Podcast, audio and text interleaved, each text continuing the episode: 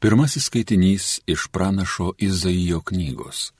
Karaliaus Uzijo mirimo metais regėjau viešpatį sėdintį aukštame iškilmingame soste. Jo rūbo kraštai sklydėjo po visą šventyklą, viršum jo pleveno serafinai. Jie šaukė vienas kitam ir kartojo - šventas, šventas, šventas galybių viešpats, pilna visa žemė jojo garbės. Nuo garsaus jų šaukimo drebėjo lenkščiai ir šventykla prisklido dūmų. Tuomet aš tariau, vargas man, dabar aš esu žuvęs. Aš žmogus, kurio lūpos nešvarios, gyvenu tarp žmonių, kurių lūpos nešvarios, ir mano akys regėjo karalių galybių viešpatį. Tada prie manęs priskrido vienas iš serafinų. Jo rankoje buvo deganti anglis, kurią jis žnyplėmis buvo paėmęs nuo altoriaus. Jis palėtė ją mano burną ir tarė, štai žaryje palėti tavo lūpas, tavo kaltė dabar panaikinta, tavo nuodėmė dovanota. Paskui išgirdau viešpaties balsą, ką man pasiūsti, kasgi mums eitų. Ir atsiliepiau, štai aš, mane ir pasiūsk. Tai Dievo žodis.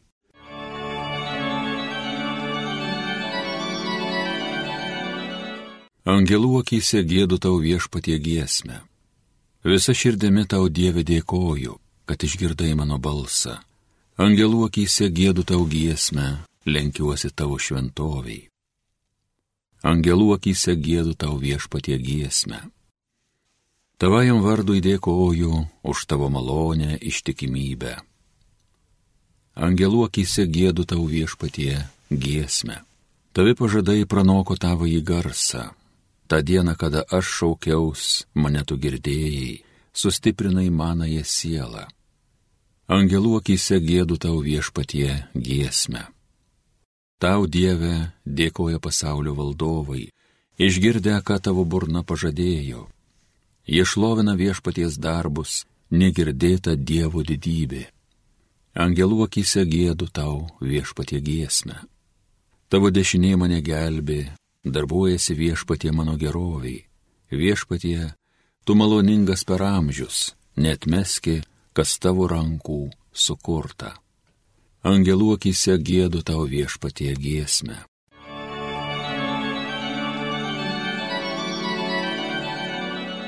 Antrasis skaitinys iš Šventojo Paštalo Pauliaus pirmojo laiško korintiečiams. Broliai, pirmiausia, aš jums perdaviau, ką esu gavęs, būtent Kristus numirė už mūsų nuodėmės, kaip skelbė raštai.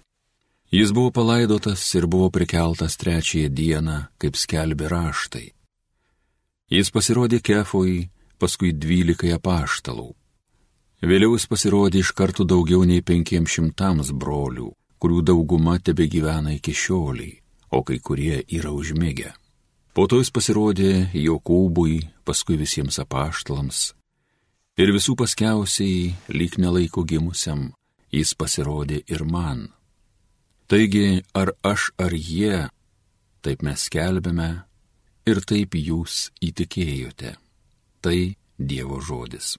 Alleluja, alleluja, alleluja.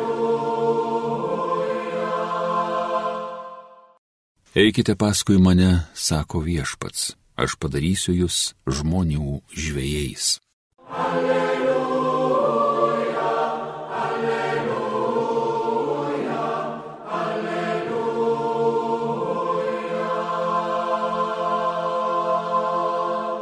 Viešpats su jumis. Pasiklausykite šventosios Evangelijos pagal Luką. Kartą kaiminios veržėsi prie Jėzaus klausytis Dievo žodžio.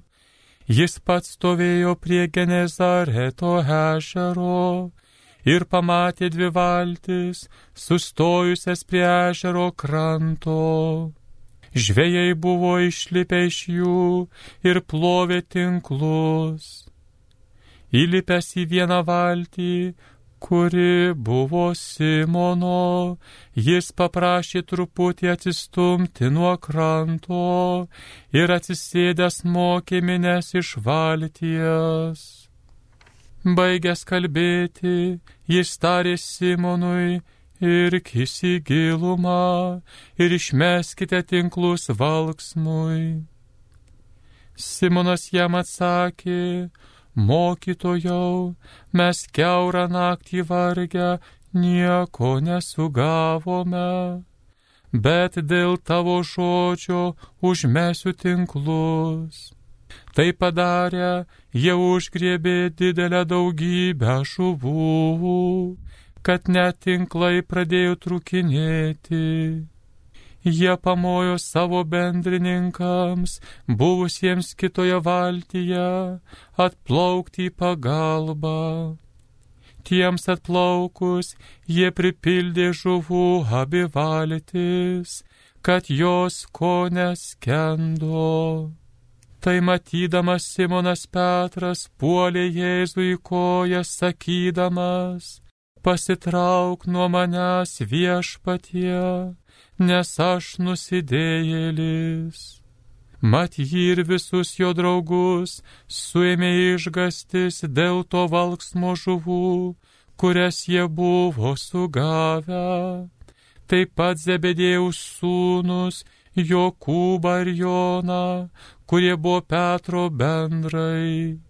O Jėzus tarė Simonui, nebijok, nuo šiol jau žmonės žvejosi. Išvilkiai krantą valtis, jie viską paliko ir nuėjo paskui jį girdėjote viešpatie žodį. Mėly Marijos radio klausytojai, šiandien Dievo žodėje visur skelbiamas žmogaus silpnumas, žmogaus menkystė. Juk štai ką apie save sako Paulius. Nevertas aš vadintis apaštalu, o Petras, aš nusidėlis, Ir pranašas Izaijas, mano lūpos nešvarios. Stebėtina, stebėtina, kodėlgi Dievas tokius išsirinko. Bet įvyko nuostabus pasikeitimai. Povilas tampa didžiausių rinktinių apaštalų, nors persekiojo Dievo bažnyčią. Petras padaromas bažnyčios galva, o Izaijas pačiu didžiausiu, svarbiausiu Senojo testamento pranašu. Dievas vis pasirenka tai, kas pasaulyje atrodo silpna, kvaila, paniekinta, kad joks žmogus negalėtų didžiuotis. Didžiausias tokio pasirinkimo pavyzdys, labiausiai stebinantis pasirinkimas, tai nusikaltelio, nukryžiuoto ir merdinčio šalia Jėzaus kryžiaus atsivertimas. Įstabu tai, kad tokią akimirką tas nusikaltelis pasakė Jėzui, viešpatė, prisimink mane, kai ateisi į savo karalystę. Kaip jums atrodo, ką mąstė tada žmonės stovėję prie tų kryžių, kai išgirdo tokį nusikaltelio maldavimą? Pagalvojo, matyt vargšeliui mirštant protelis pasimaišė.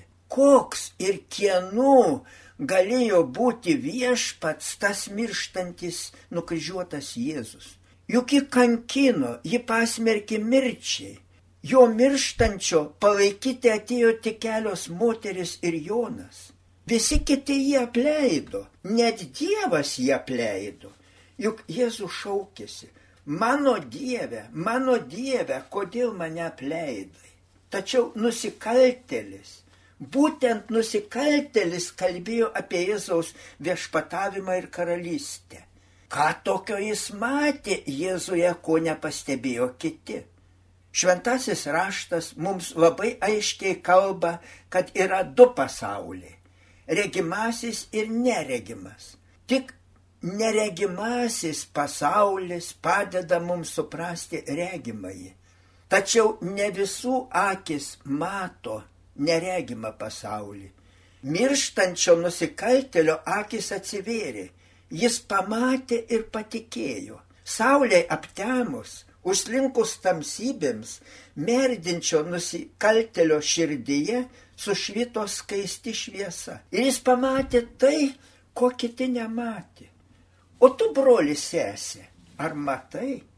Taip, taip, mėly Marijos radio klausytojai, visi pamastykime, būtinai pamastykime, įsigilinkime, kad Dievas labiausiai atsiskleidžia menkiausiuose, net paniekintuose, net pasmerktuose.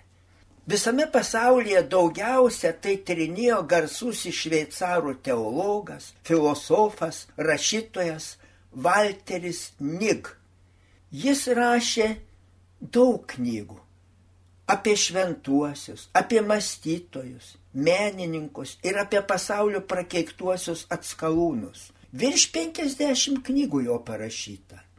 Paminėsiu vieną kitą - atgailotojų ir prakeiktųjų knyga.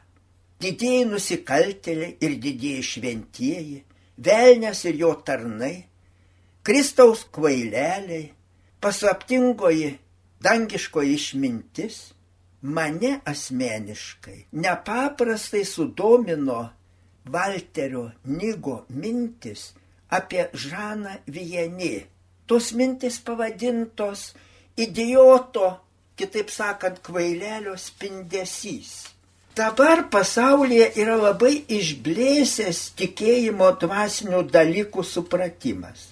Galvojama, Galvojama, kad net ir bažnyčios likimą nulėmė vien protas, išsilavinimas, vien psichologinės priemonės, vien organizatorių sugebėjimai talentai. Štai dėl to Nig ir pasirenka Žaną Vieni kaip visišką prieštaravimą šio laikiniam pasauliui, prieštaravimą protui, materijai. Visais atžvilgiais Žanas niekas.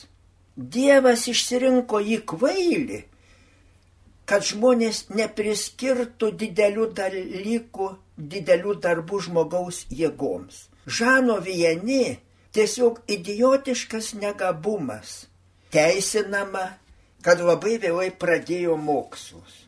Tai bandoma nutrinti patį didžiausią jo gyvenimo stebuklą. Juk jei protingas žmogus nuveikia didelių darbų, tai nieko nuostabaus. Bet jei turi nulenkti galvą prieš kvailio idioto darbus, tai to niekaip, niekaip nepaaiškinsi. Yra dvasinių dalykų, kurie nepriklauso nuo žmogaus proto. Bažnyčios istorijai žinomas toks šventasis Juozapas Kopertino. Jis buvo varomas iš visų vienuolynų dėl tokio bukumo, kad net neskiria juodos duonos nuo baltos bet jis įgyjo tokių dvasinių malonių gausą, jog pralenkė visus šventuosius, visą naująjį pasaulį. Dievas panoro duoti didžiausią kunigą, tokį, kuris netinkamas kunigystėje ir kuris jokia kita jėga negalėjo remtis, tik malda. Jei ne malda, Žanas Vieni būtų visiems laikams likęs niekas. Jis yra didžiausia pamoka šių dienų pasauliui gyvenančiam visišką tuštybę. Klebono baliai asmeniškai mokomas, net po kariuomenės jis nepasiekė pradinės mokyklos lygio. Neišmoko net žmoniškai skaityti. Ir vis tik klebonas atsiuntė jį į seminariją. Seminarijoje nebuvo įmanoma jį išmokyti nors kelis sakinius bažnyčios lotynų kalba. Bandė jam aiškinti kasdienę kalbą, bet jis nesuprato ne vieno sakinio. Teologiniuose dalykuose jis tylėjo ir žiūrėjo geromis akimis, kaip kvaila avis. Todėl 29 metų jis atleidžiamas iš seminarijos kaip visiškai niekam, o niekam netinkamas. Bet jo klebonas naudodamasi seminarijos charakteristiką, kad jis pamaldumo ir darbštumo pavyzdys, įkalbino viskupą jį pašventinti kunigu. Žinoma, vien tik mišioms, neleidžiant sakyti nei pamokslų, nei klausyti iš pažinčių. Ir buvo paskirtas tam pačiam klebonui. O po klebono mirties jį paskiria į Arsą, kur beveik niekas nebėjo bažnyčion. Nenorint meluoti, jį reikia apibūdinti kaip paprasčiausią nevykusi kaimo kleboną. Pažvelgus į jį greičiau kilo juokas negu pagarba.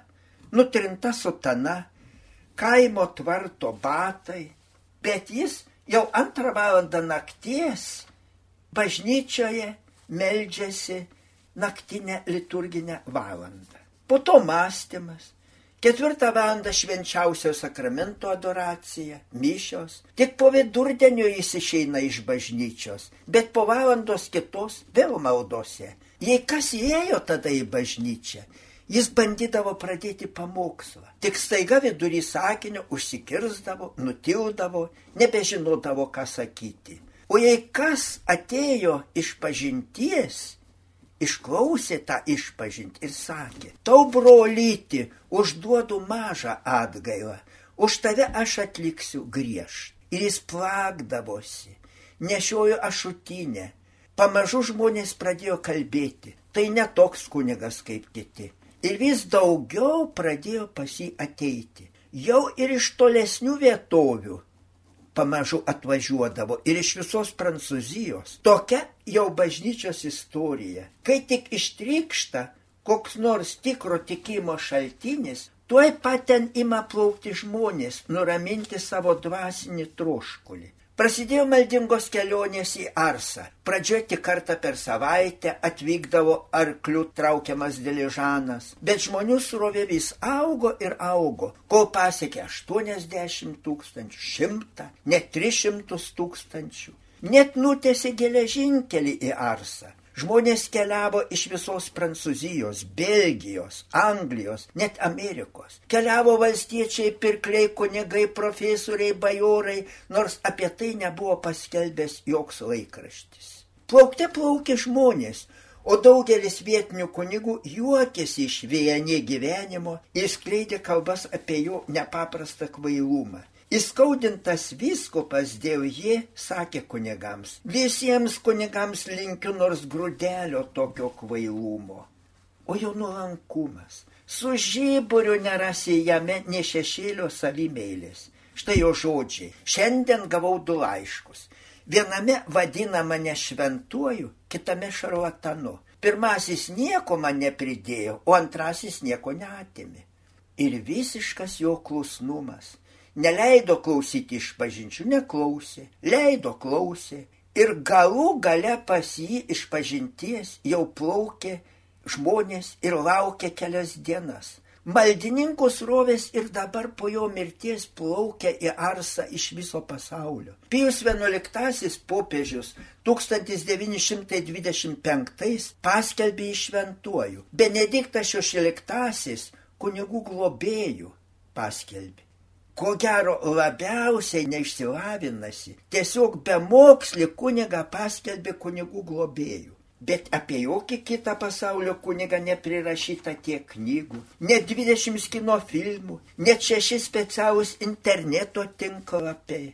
Šis kunigas išmetė iš šiukšlyną moderniųjų laikų supratimą apie žmogaus proto reikšmingumą. Vieni tiesiog išžuliai pasityčiojo iš bedvasios vien materiją paremtos savimonės. Jis į centrą pastatė dvasinę realybę, į kurią pasaulis paprastai nenori kreipti dėmesio. Laiško korintiečiam žodžiais Dievas išsirinko jį kvailelį, kad sugėdintų pasaulio išminti. Argi šiandien jis nekviečia susimastyti, jog be Dievo žmogaus mokslo jėgomis nebus niekas gero padaryta pasaulyje. Nebus nugalėta nei pandemija, nei gamtos, nei pasaulio suirūtė. Tik malda tai gali nugalėti. Amen.